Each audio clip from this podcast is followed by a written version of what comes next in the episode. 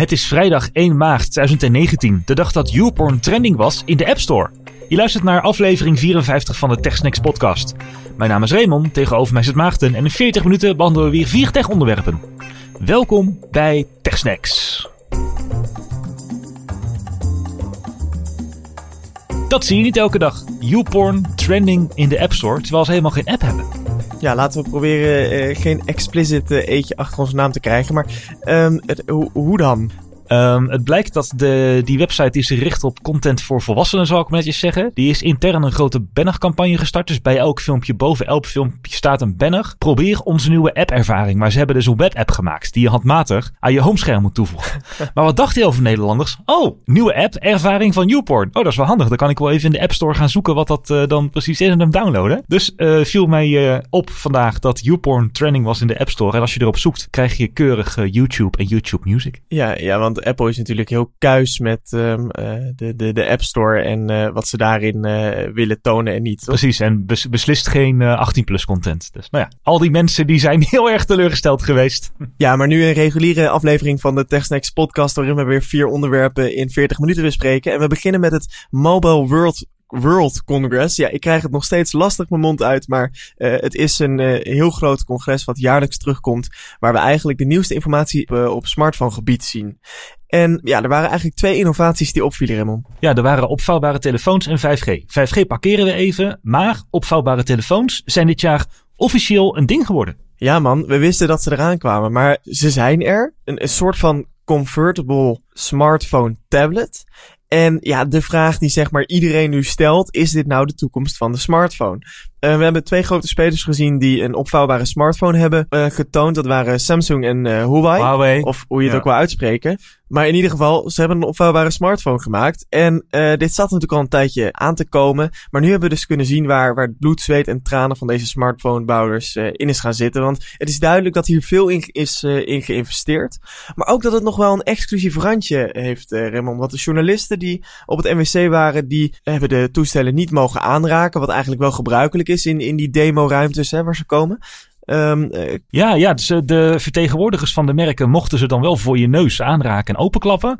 Maar zelf openklappen en aanraken was er dan nog niet bij voor journalisten die daar aanwezig nee, waren. Nee, wat, wat ik wel opvallend vond is dat de twee bedrijven verrassend uh, vrij verschillende telefoons lanceerden. Vrij verschillende opvouwbare telefoons. Ze, ze leken niet heel erg op elkaar. En uh, daarom lijkt het me leuk om ze even allebei door te spreken. Laten we bij Samsung beginnen. die presenteerde de Samsung Galaxy Fold.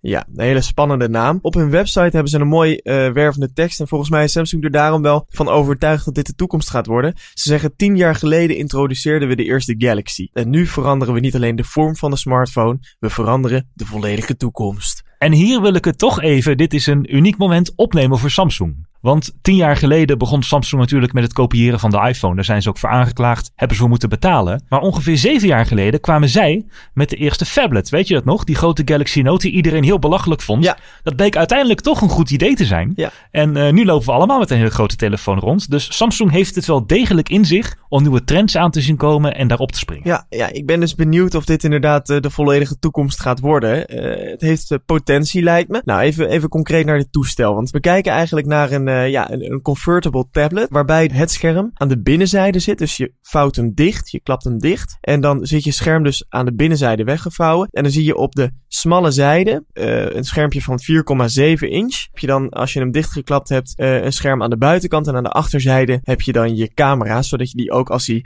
ja, dichtgeklapt zit, kan gebruiken. En je vouwt hem open als een soort van boekje. Ja, en de voorkant van het boek, de, uh, de cover is dan een extra scherm. Ja, exact. Zeg de cover, ja, inderdaad. De cover van het boek is een extra scherm en, en de inhoud is het grote scherm. Dat grote scherm, daar zijn hele mooie persfoto's van gemaakt met een vlinder.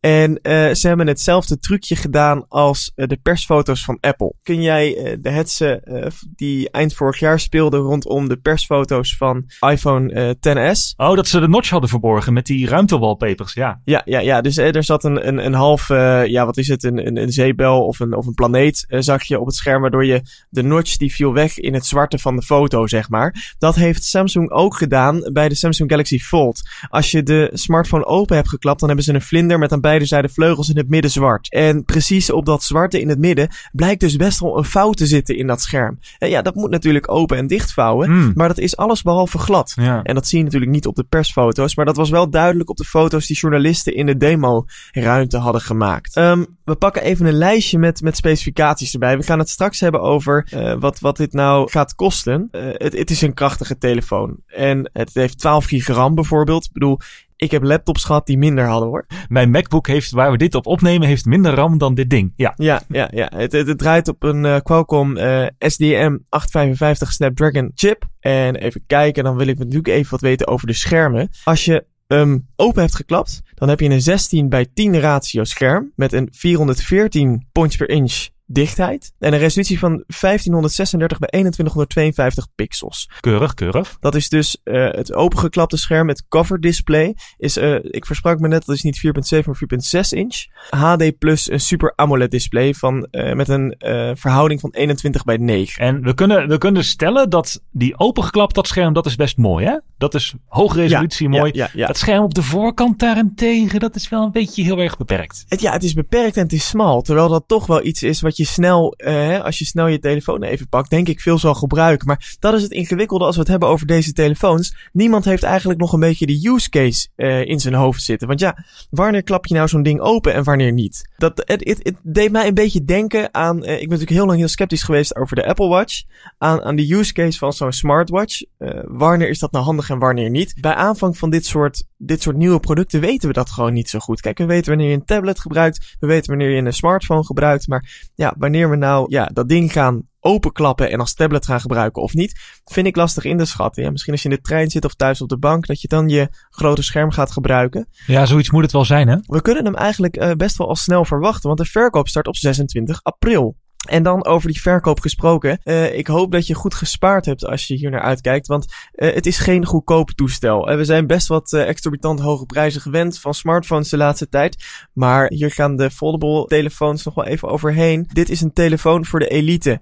En het gaat namelijk 1980 US dollar kosten. Ja, de europrijs is nog niet bekend, maar die zal er ongeveer nee. wel uh, tegenaan liggen. Dat denk ik ook. Uh, overigens wordt het door Samsung ook wel zo gepositioneerd als een telefoon voor de elite. Het is niet een... Ja, een exclusief ding, hè? Exact. Ja. Het, is niet, het is niet een bulktoestel als de Galaxy uh, S10. Dat, dat moet echt een massatelefoon worden. Ze gaan ook qua productie eerst goed kijken hoeveel vraag er eigenlijk is. Dus het zal nog wel even duren voordat dit echt ja, op voorraad in de winkels ligt. Als het op voorraad in de winkels komt te liggen. Ik denk dat het stiekem een prototype is dat de enthousiaste fan zal kunnen kopen. Dat je dat het zo een beetje moet zien. Ja, dat verwacht ik ook. Hey, dan gaan we even door naar wat Huawei presenteerde. Die kwam met een Mate X. En ik zei al, het is een wat verschillend toestel als je het vergelijkt met de Galaxy Fold. En dat komt omdat, ja, dit is eigenlijk een, een gespiegeld model. Dus het scherm van de Huawei Mate X zit namelijk aan de buitenzijde. Dus waar je de Galaxy Fold openklapt als een boek en de binnenzijde ook uh, je scherm is, uh, vouw je deze eigenlijk open en lees je de kaft. Ja, en je vouwt hem zodanig om dat je alle twee de kaften hebt, zeg maar. Interessant is dat het scherm van deze Huawei Mate X is verdeeld in ongelijke delen. Dus het scherm op de voorkant dichtgevouwen is daardoor groter dan bij de Galaxy Fold. Dat is 6,6 inch versus 4,6 inch bij de Samsung. Ja, en dat vond ik persoonlijk beter, want dat scherm van de Galaxy Fold was aan de voorkant heel klein, heel smal en het had hele dikke randen. Maar omdat Huawei natuurlijk gewoon ja, je, die telefoon als het ware dubbel laat klappen en de schermen dus altijd aan de buitenkant blijven zitten, had je ineens best wel ja. een prima smartphone scherm, want het is gewoon onderdeel van een van die twee delen. Ja, als we even de specificaties erbij pakken, dan zie je het scherm op de voorkant, dat heeft dan de 6,6 inch, is dat groot, met een resolutie van 2480 bij 1148 en een schermverhouding van 19,5 bij 9. Uh, het scherm op de achterkant is uh, 6,38 inch. Uh, met een ja, lage resolutie, 2480 bij 892, 25 bij 9. En het uitgeklapte scherm is 8 inch en heeft een resolutie van 2480 bij 2200. En heeft een verhouding van 8 tot 7,1. Ja, dat is niet echt de reguliere verhouding, maar ik vond dit wel op zich er beter uitzien dan die Galaxy Fold. Ik vraag me alleen af hoe praktisch dit van Huawei is, want je hebt natuurlijk altijd schermen aan de buitenkant alle twee. Kun je bijvoorbeeld een beetje fijn op deze telefoon in je broek, als hij in je broekzak zit gaan zitten? Of krek je het scherm dan al, weet je wel? Ja, of je sleutels erbij doen. Dat dus. Ja, ik vind het ook een kwetsbaar ontwerp. Aan de ene kant, het is, het is super mooi. Het ziet er goed uit, dit. Maar ja. of het nou praktischer is dan die Galaxy Fold, durf ik nog niet te zeggen. Hey, we verwachten deze telefoon in uh, ook het, het, tweede kwartaal van, uh, van dit jaar. Kijken we nog heel even naar de, naar de specificaties. Het draait natuurlijk ook weer op uh, Android 9.0. heeft 8 gigram. Maar, wat moet dat kosten? Ook een hoop, Raymond. echt een hoop. Dit is de europrijs weten we al. 2300 euro gaat het toestel kosten. Ja, zoals ik al zei, nu een prototype kopen, dat kan blijkbaar straks. Want kunnen we het al serieus nemen dit? Kunnen we al zeggen van, dit is nou echt de toekomst? Ik weet het niet hoor.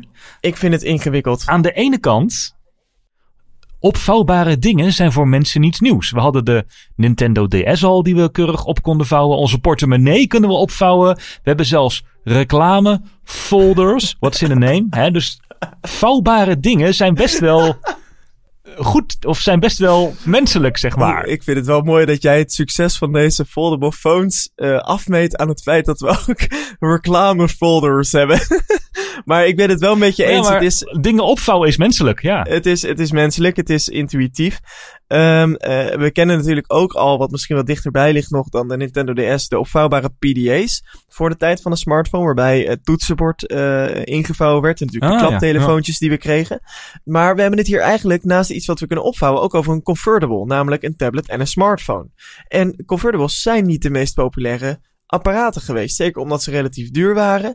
En um, de voorstanders zeggen je best of both worlds. Heb je dat ook of heb je juist van allebei net niet? En dat is denk ik wat ja, wat, wat, wat hier de bottleneck gaat zijn. Het doet me een beetje denken aan die laptops waar je ook een tablet van kunt maken. Gebruikt iemand die ooit als ja, tablet? Nee. Convertibles, precies. Ja, maar aan de andere kant, um, een smartphone is natuurlijk een veel persoonlijker apparaat. En ik zou me wel in kunnen denken dat ik het op enig moment prettig zou vinden als ik Netflix aan het kijken ben in de trein of een YouTube-video om dan even open te vouwen. Ik kan me voorstellen ja, ja. dat dat prettig is en dat dat iets is waar mensen uh, wat op een gegeven moment heel natuurlijk kan gaan voelen. Maar met de modellen die nu aangekondigd zijn, daar gaat natuurlijk geen normaal mens mee in zijn broekzak lopen ja, voordat dit echt uh, mainstream gaat worden, denk ik toch dat we ja, toch zeker twee jaar verder zijn. Maak er maar vijf van, want er zijn ook nog heel veel technische issues, weet je wel. Die vouw in het scherm in, in het midden, die wordt nu een beetje weggedoezeld in de demo-modellen.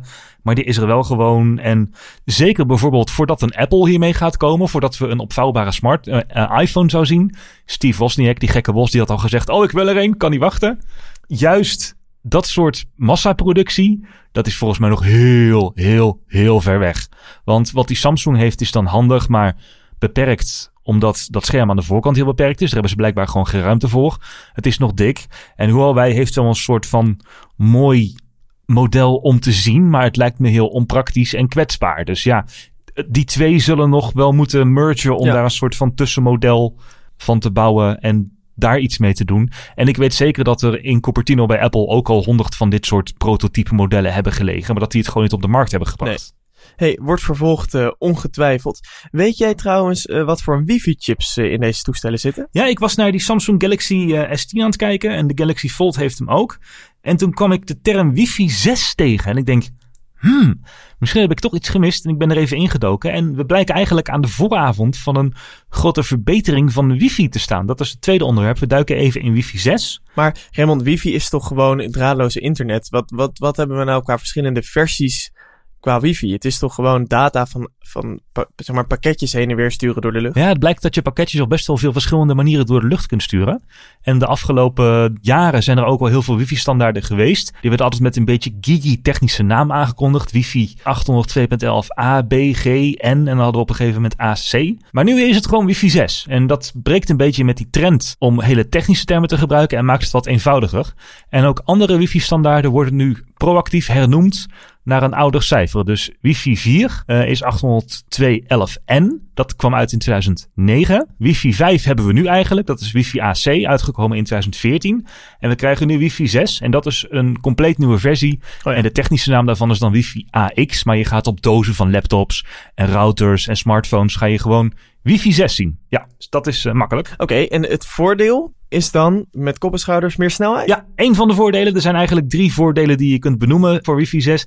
De eerste is meer snelheid en volgens de specificatie, het zal misschien een beetje per apparaat verschillen, maar moeten apparaten 40% sneller kunnen werken. En dat komt vooral omdat ik al zei, die pakketjes die door de lucht moeten, die data die door de lucht moet, dat wordt veel efficiënter gedaan. Dus die routers kunnen meer data in dezelfde hoeveelheid radiogolven die uitgestraald worden gaan proppen. En dat komt omdat er nieuwe chips zijn gemaakt die nodig zijn voor deze routers. En die kunnen die data veel effectiever verpakken, dus coderen en decoderen.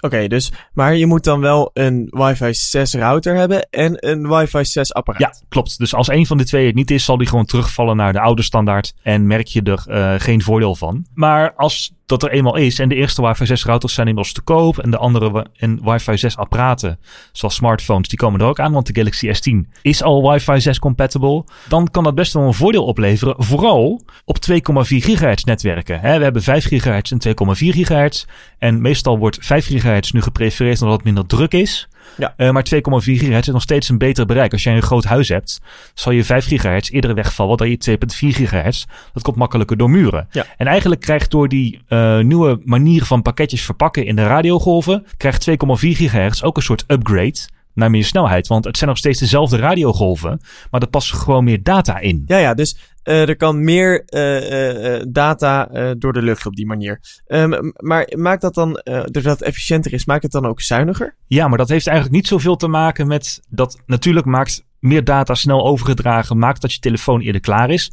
met zenden en ontvangen. Dus dat maakt het al zuiniger. Maar daarnaast is er nog een maatregel genomen. En ik zat echt te denken, hoe moet ik dit uit gaan leggen? Hoe, kom ik hier, hoe kan ik hier een beetje oh, iets goeds van maken op een Annie M.G. Schmid-achtige manier bijna?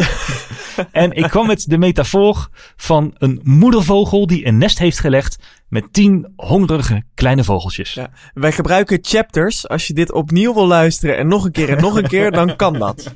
Een moedervogel. Ja? De router is de moedervogel en de apparaten die je in huis hebt, zoals je iPhone en je laptop en je iPad, dat zijn de vogeltjes. En de wormen zijn de pakketjes met data. Heel beeldend. Ja. Die door de lucht moeten.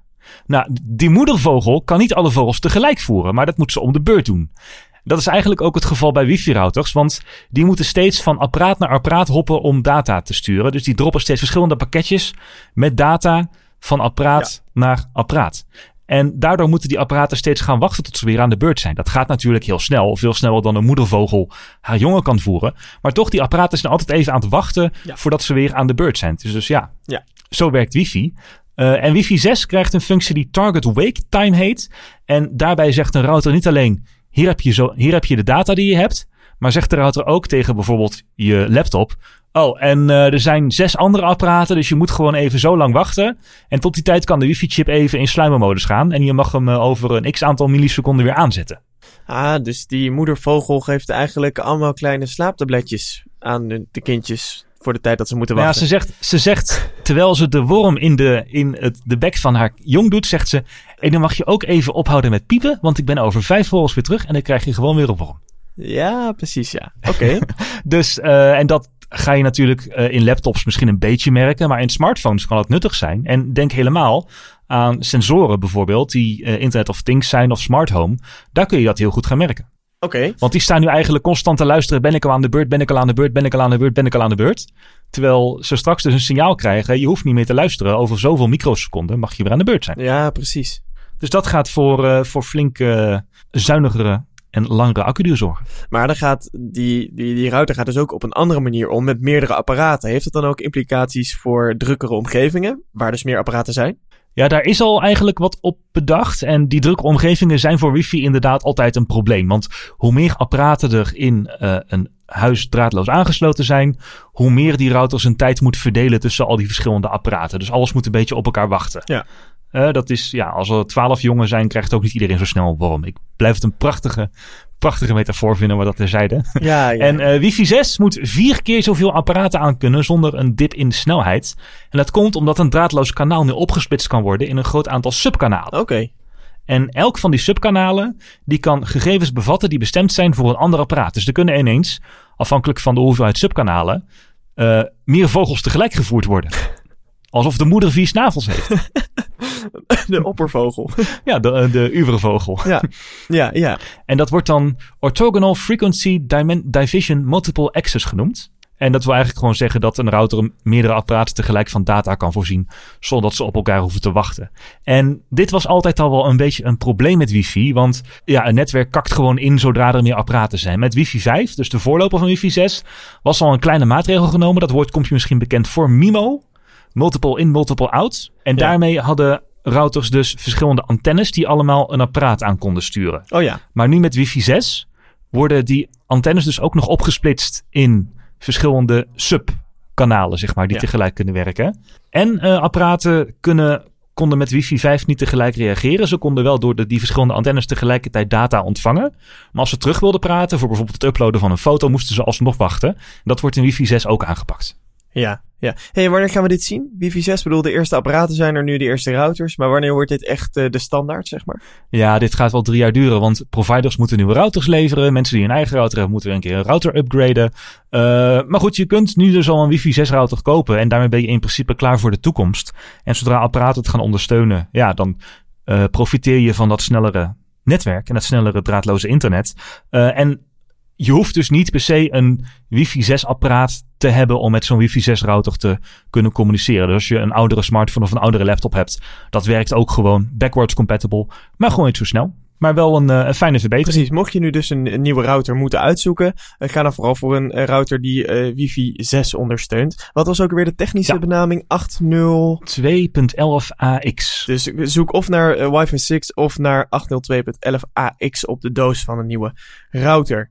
Ehm, Yes. we gaan even door eh, naar een stuk over Apple. Hè, ik vond het al lang duren. Ja, ja, ja. Maar ik moest wel lachen, want eh, een grote eh, kop in het nieuws. Ehm, want de Apple-topman Jeff Williams, dat is de Chief Operating Officer, de COO. De- ja, dat is dus een van de topmensen die ook direct aan Tim Cook eh, rapporteert en eh, op dezelfde lijn met hem samenwerkt. Die eh, verdedigt onlangs Apples hoge prijzen, want die was op een conferentie bij de Elon University in North Carolina. En die, die ging daar een praatje houden voor die studenten. En ehm, toen was een van de studenten in de zaal die vroeg waarom die Apple-producten nou zo duur zijn. En we hebben het al vaker besproken over hè, de nieuwe iPhones die, die toch ja, fors duurder zijn. En die student die was wel bij de hand, want die wees ook op de nou ja, enorme marges die, die Apple hanteert. Want die zijn hoog, hè? Ja, nou ja, ze zijn ongeveer 38% uit mijn hoofd. Dat is voor een bedrijf best wel luxe.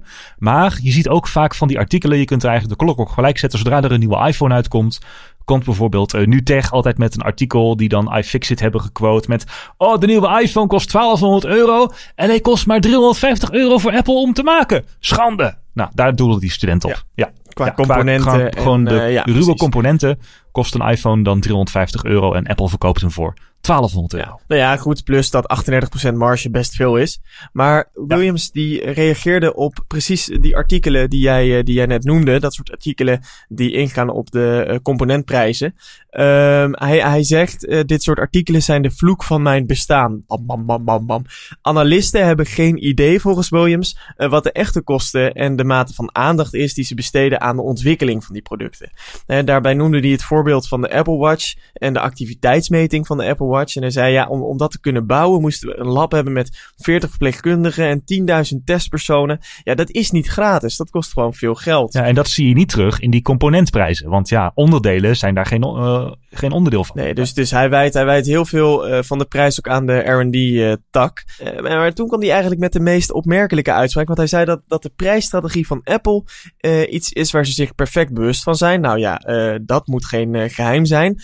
Maar hij noemde, wij willen geen elitair merk zijn. Wij willen toegankelijkheid nastreven en eh, verzetten veel werk in de opkomende markten. Nou, dat, dat vind ik toch wel voor, voor een bedrijf als Apple een opmerkelijke uitspraak. Hè? Want dat komt niet uit monden van, eh, van een of andere eh, eh, no-no in Cupertino ergens achterin een kantoortje. Dit is echt de COO van Apple die dit zegt. Dus hier moet over nagedacht zijn. Ja, er zit vast een spindokter achter. Ja, hij zegt niets wat hij niet kan verdedigen, zeg maar. Nee. Ehm, eh, ik wilde toch even de proef op de som nemen. Dus ik ben even in de Apple Store gaan winkelen. En ik heb de goedkoopste en de duurste producten naast elkaar gezet. En uh, laten we gewoon even qua productcategorie het een en ander uh, doornemen. Hè? Uh, de iPhone, de goedkoopste iPhone die Mhm. Apple noemt op de website is de iPhone SE en de iPhone 6. Die worden nog wel genoemd, maar die zijn eigenlijk niet meer los te bestellen. Sowieso niet bij Apple.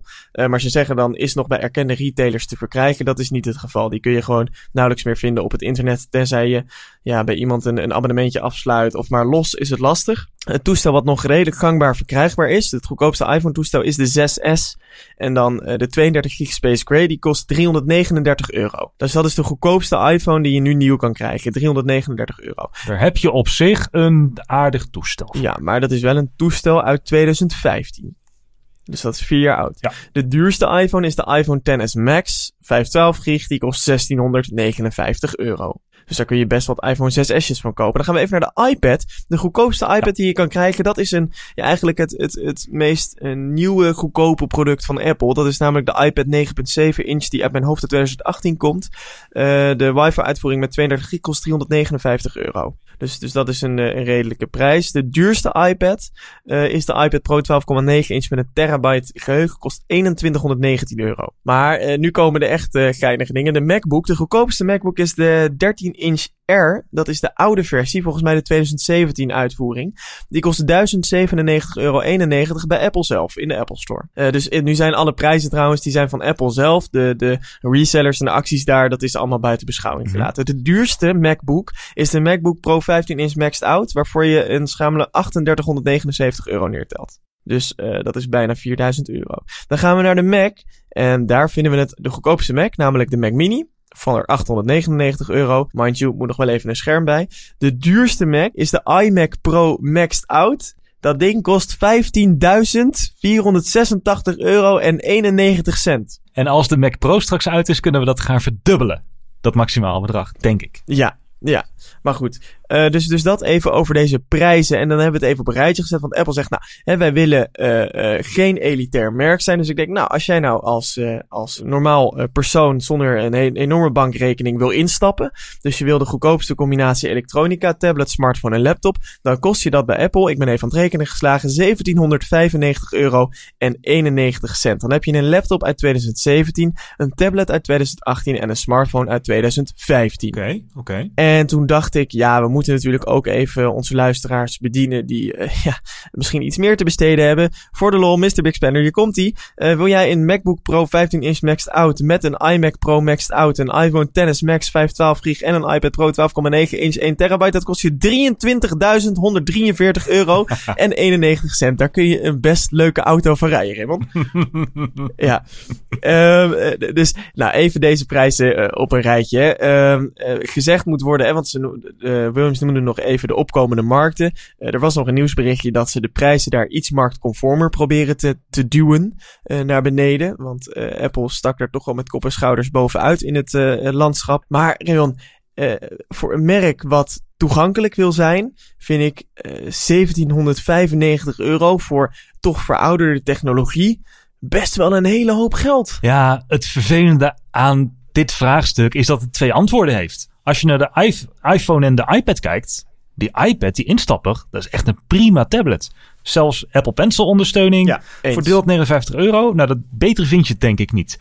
De iPhone valt ook wel mee. Je hoeft niet per se de Face ID iPhone te kopen. Je kunt ook een iPhone 7 of een iPhone 8 kopen. Die zijn vorig jaar uitgekomen. Dan heb je ook een redelijk geprijsd toestel. Wat vaak via providers nog wel goedkoper te krijgen is. Maar Apple heeft met de Mac al lang door dat Mac-gebruikers gewoon geld gaan overforken omdat ze toch niet naar Windows willen. En ik heb het idee dat daar de toegankelijkheid wel schocht inderdaad. Ik had eigenlijk gehoopt dat toen Apple die MacBook Air ging vernieuwen, dat ze hem 999 euro zouden maken. Dat is een beetje duurder dan de gemiddelde Windows laptop, maar nog wel toegankelijk, denk ik. Mm, Toch? Ja, maar ik weet voor een laptop van Apple zou 999 euro toegankelijk zijn. En ik weet zeker als ze dat hadden aangehouden, die prijs, voor een nieuwe MacBook Air met Retina-scherm, zou de Windows laptopmarkt bij wijze van spreken niet meer bestaan. Want zou iedereen dat ding kopen? Nou, dat weet ik niet hoor, Raymond. Want 999 euro ligt ook wel fors boven de prijzen van een gemiddelde uh, huistuin- en keuken Windows laptop hoor. Want daar heb je het dan over. Hè? Als je het hebt over toegankelijkheid, dan uh, zijn dat ook Gerda en, en Beb die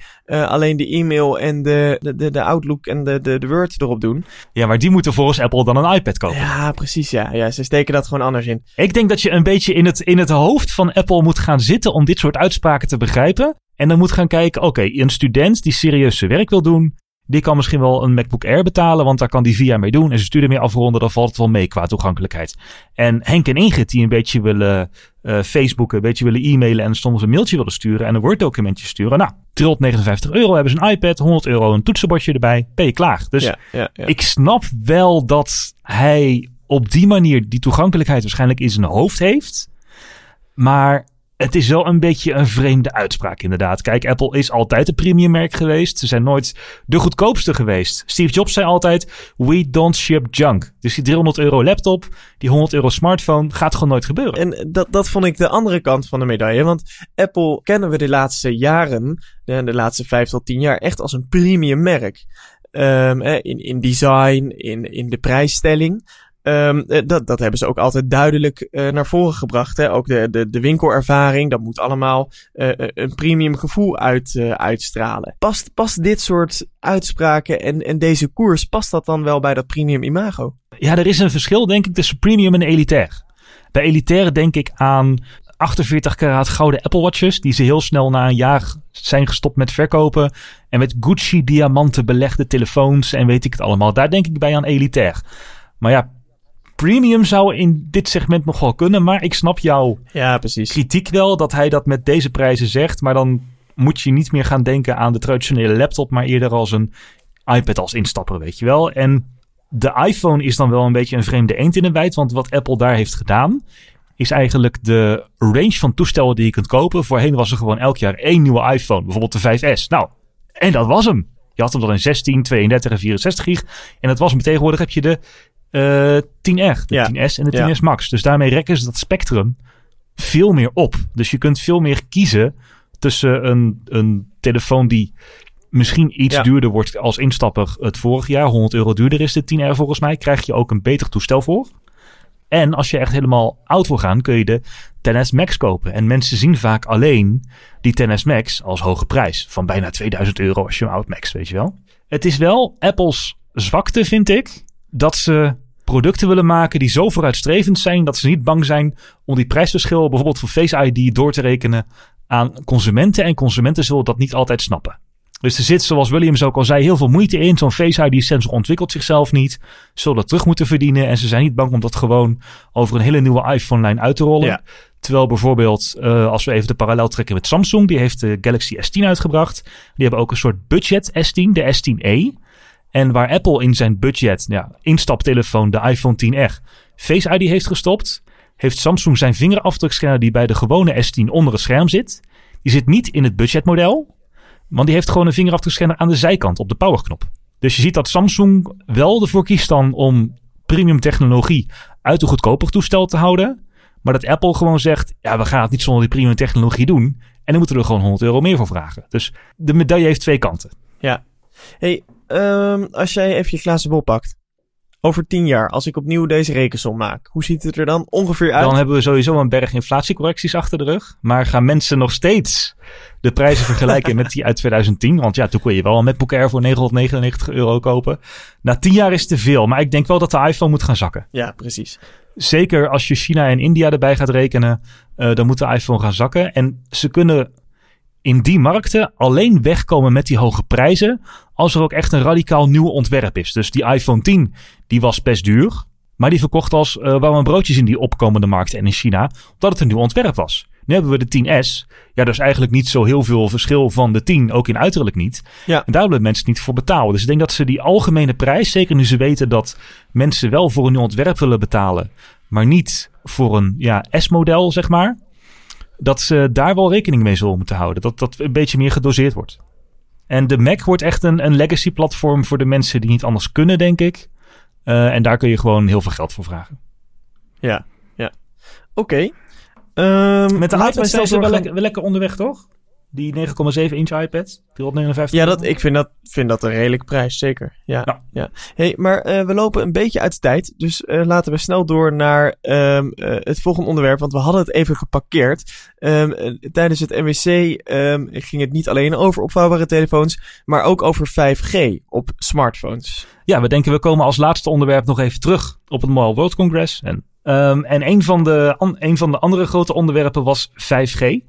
En uh, misschien is 5G, willen ze je laten geloven althans, je hoort mijn sceptische houding al, dichterbij dan een opvouwbare smartphone. Want Qualcomm had al een grote banners en een grote stand en grote aankondigingen met 5G is here. Maar ik geloof het gewoon niet dat het al is dit jaar. Want als je kijkt, Samsung had bijvoorbeeld de Galaxy S10 gewoon met 4G, maar ook met 5G. En die met 5G die is echt een stuk groter en dikker. Dus ze hebben heel veel ruimte nodig voor 5G antennes en accu's. En die uh, Galaxy S10 met 5G komt ook maar bij één provider in de VS uit. Nou, Motorola kwam ook met een 5G-toestel. Of dan een aanvulling op een bestaand toestel. Motorola heeft van die mods, van die achterkantje die je er kunt afnemen. En dan kun je er een extra speaker op klikken of een extra camera. Oh ja. En die kwamen met de Moto Mod 5G, een enorm blok dat je achter op je toestel moet klikken. En dan heb je 5G. En Xiaomi was eigenlijk de grote verrassing qua 5G-toestellen. Die hadden een redelijk normaal telefoon, vrij dun. Maar de accuduur was dan weer wel veel minder, omdat uh, de 5G-chips nogal uh, batterij vreten. OnePlus had ook een 5G-prototype, maar daar mocht niemand aankomen. Zag je alleen het scherm van, je zag niet hoe dik die was. En uh, ik denk dus dat ondanks de hype op het Mobile World Congress 5G nog niet klaar is voor primetime. En dat kun je eigenlijk ook al zien hmm. aan het aantal chips dat in een Android smartphone nodig is. Nou, als je een 4G uh, Samsung wil maken, heb je eigenlijk alleen een Snapdragon van Qualcomm nodig. Bijvoorbeeld de Snapdragon 855. Er zit zowel de processor in als het 4G-modem. Wil jij een 5G-toestel maken, dan moet die telefoon nog steeds op 4G kunnen werken. Dus je hebt nog steeds die, chip, die 4G-chip van Qualcomm nodig. Daarnaast heb je een Snapdragon modem nodig, dus een tweede chip. En vier aparte antennes voor 5G. Dus ja, daarom worden die toestellen zo groot. Ja, ja, ja. En dat is dus ook weer iets. Het zit nu misschien in een aantal toestellen, maar nog lang niet in de lucht. Hoe zit de uitrol in, in Nederland en België dan? In Nederland begint de veiling voor 5G-frequenties in 2020 hooguit. T-Mobile heeft al gezegd, we gaan dan meteen volle bak 5G belasten. Uh, die starten dit jaar in Den Haag met een proef. Uh, voor 5G op smartphones. KPN en Vodafone zijn helemaal stil. Die willen waarschijnlijk pas beginnen met de agenda uitstippelen als die veiling is geweest in 2020. En in België, oh, in België dat is zo'n mooi verhaal. Uh, Vlaanderen en Wallonië zijn het niet eens over wie nou het meeste geld moet krijgen als die 5G-veilingen geveld worden. Surprise, surprise. Dus zijn er voorlopig geen 5G-veilingen in België, want ze kunnen het gewoon niet eens worden over wie de meeste opbrengsten krijgt. Dus... Ik vind het een mooi land. nee, maar dus weet je, op een Mobile World Congress kunnen ze wel zeggen 5G is hier. Ja, het is hier, maar nog lang niet op primetime, zowel in de toestellen niet als in uh, de lucht niet. Ja, dus uh, 5G was een, uh, een, een, ja, een, een, hype op het MWC, maar er waren meer leukere, geinige uh, innovaties. We zagen een, een smartphone met 10 keer optische zoom. Hoe? Ja, die was van Oppo. Ja. En die smartphone was niet heel dik. En dat was wel grappig. Ze hebben de camera um, daar niet verticaal op gemonteerd. Want hè, een zoomlens moet normaal verticaal heel ver uit kunnen strekken, wil die kunnen zoomen. Ja. Maar ze hebben een camera gemaakt die horizontaal beweegt binnen het toestel. En dan zei je, ja, maar dan gaat toch alles... Dat kan toch niet, want dan moet die camera uit de zijkant komen. Nou, ze hebben daar een, uh, het principe van een periscoop op gehanteerd. Dus ze gebruiken een prisma aan de voorkant om het licht naar die Ah. camera te duwen. Slim. En dan kunnen ze gewoon een zoomlens die horizontaal beweegt. Ja, daar is in principe ruimte genoeg voor in een telefoon. Ja. Uh, zonder dat die dikker wordt. Dus zo wordt uh, tien keer optische zoom mogelijk. Vraag me wel af hoe dat zit met je beeldstabilisatie dan. Maar... Ja, dat was niet zo denderend. Want uh, op het MWC mochten een aantal journalisten wel proberen. En dat was nog niet zo heel denderend. Maar goed, het was een prototype van een telefoon. Maar dit toont, toont wel aan dat we met twee keer optische zoom geen genoeg hoeven te nemen. Er is nog veel meer mogelijk. Hm. Over camera's gesproken, Nokia is ook terug hè. En die kwam namelijk uit de Nokia 9. En dat is een Android smartphone met niet drie, maar vijf camera's op de achterkant. Ik bedoel, dit is een soort van, van camera madness ook op deze manier. Uh, ja, maar, ook in een mooi patroontje. Ja, een honingraadje. Ja, mooi geplaatst. Maar wat kun je ermee? Ja, al die camera's die zijn 12 megapixels, aperture 1.8, keurig dus. Maar twee camera's schieten in kleur en drie zijn monochroom. En die zijn echt voor de details en de schaduwen en de belichting. Uh. En bij het maken van een foto worden echt alle camera's gebruikt. En Nokia heeft dan een aantal sample foto's beschikbaar gesteld. Maar die zijn natuurlijk altijd mooier dan de werkelijkheid. Dus ja, we moeten nog even afwachten hoe dat ja. uh, gaat uh, uitpakken. Op het MWC konden journalisten er wel mee spelen. En het duurde ongeveer 10 seconden om een foto van al die camera's bij elkaar te stitchen. Dus dat is ook nog niet klaar voor primetime. Wat wel klaar voor primetime is, vond ik een mooie innovatie van LG, de G8, de G8, G8. Sowieso een mooie Android-telefoon. En die heeft geen openingen voor speakers meer.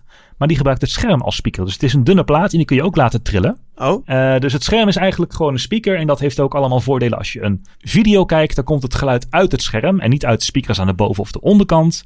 En er is gewoon meer ruimte, uh, meer ruimte in de telefoon. Dat van die speakergrillen, die openingen niet meer nodig zijn. Nice, dat nice. vond ik wel een uh, goede innovatie. En het is niet helemaal nieuw, want Sony heeft van die OLED-tv's waar ze dit ook al mee doen. Maar om het op kleine schaal te zien in een smartphone was toch wel uh, hm. indrukwekkend.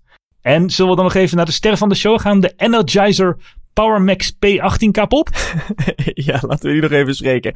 Dat is een merk uh, wat normaal powerbanks maakt, toch? Ja, ja, ja, klopt. En nu hebben ze een, een telefoon gemaakt, of nou ja, meer een powerbank uh, waar ze een telefoon op geplakt hebben. 18.000 milliampère accu zit erin. In een iPhone vergelijkbaar zit gemiddeld 2500. Eh, dus dat is een hele dikke telefoon. Maar mensen zeggen altijd, ja, maakt mij niet uit. Geef me maar een dikke Nou. telefoon met veel accu. Nou, dus heeft Energizer dat gedaan. En als je drie iPhones op elkaar legt, heb je ongeveer eh, dat van Energizer. Ik, ik denk dat dit, ja, hier loopt iedereen mee volgend jaar. Dit is. Eh, de broekzakken moeten maar weer een maatje groter en vooral dikker worden. Want de Energizer eh 18.000 milliampère telefoon komt eraan. En ik denk dat, dat eh, de laatste innovatie, nou innovatie is eigenlijk een soort anti-innovatie die we op NWC zagen, dat die jou aanspreekt. De Punkt MP02.